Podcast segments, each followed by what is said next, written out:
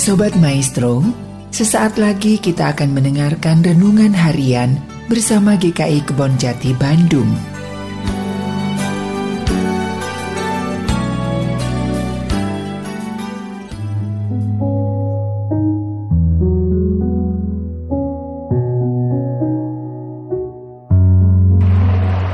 Selamat bertemu kembali dengan saya Pendeta Daud Solihin dari GKI Kebon Jati. Renungan harian pada saat ini bertema Bittersweet. BC Forbes berkata, Sejarah telah menunjukkan bahwa pemenang-pemenang terkenal biasanya menemukan hambatan yang menyakitkan sebelum mereka berhasil. Mereka berhasil sebab mereka tidak berkecil hati karena kegagalan-kegagalan mereka. Ya, bahkan ada pepatah yang mirip berkata, kegagalan adalah keberhasilan yang tertunda. Kegagalan bisa saja merupakan jeda untuk membuka kesempatan dan peluang baru bagi kita untuk memanfaatkannya dengan baik.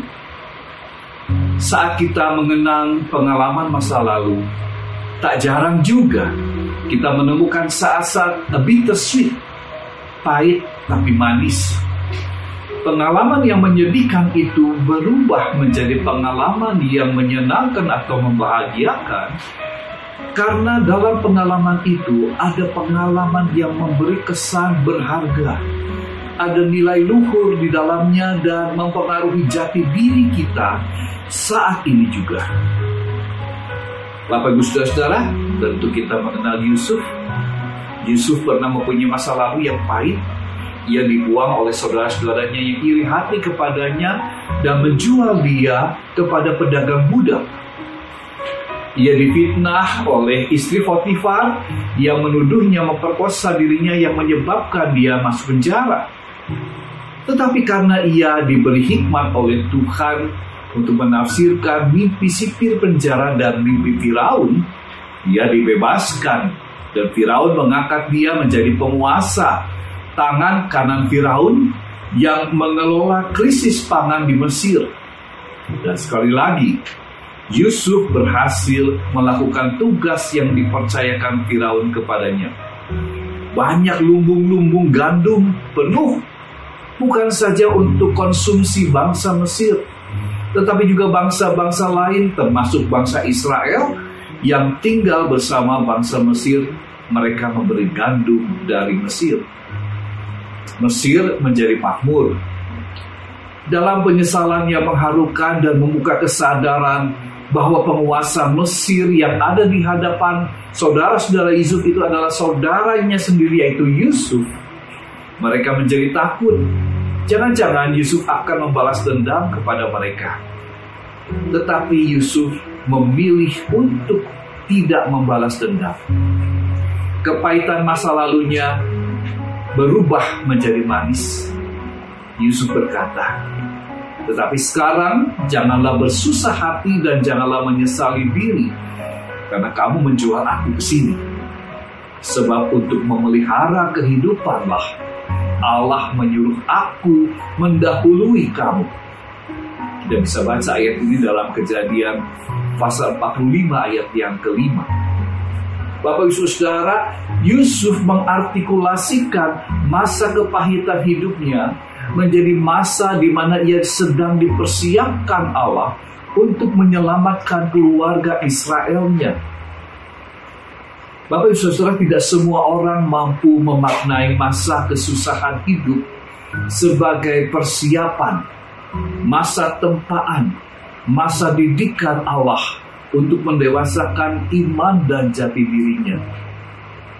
Ada yang jatuh, membalas dendam, kemarahan, kekecewaan, dan pemberontakan kepada Allah dan melukai kebersamaan dengan sesamanya.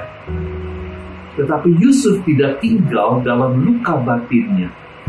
Ia melanjutkan kehidupannya.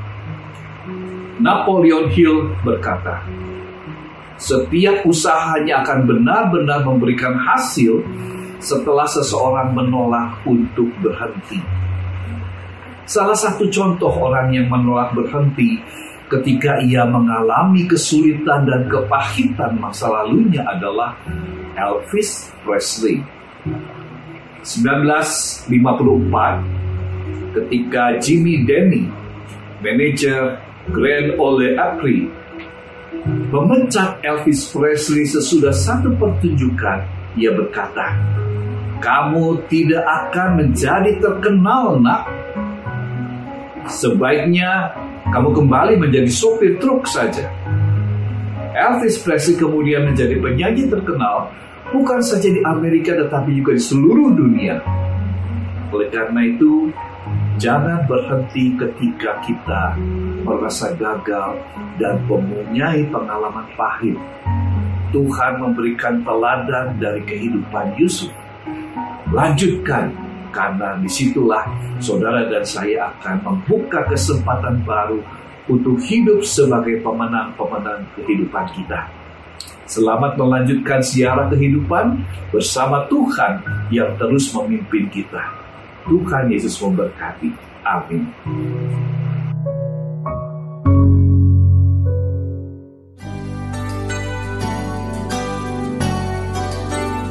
Sobat Maestro, Baru saja Anda mendengarkan renungan harian bersama GKI Kebon Jati Bandung. Tuhan Yesus memberkati.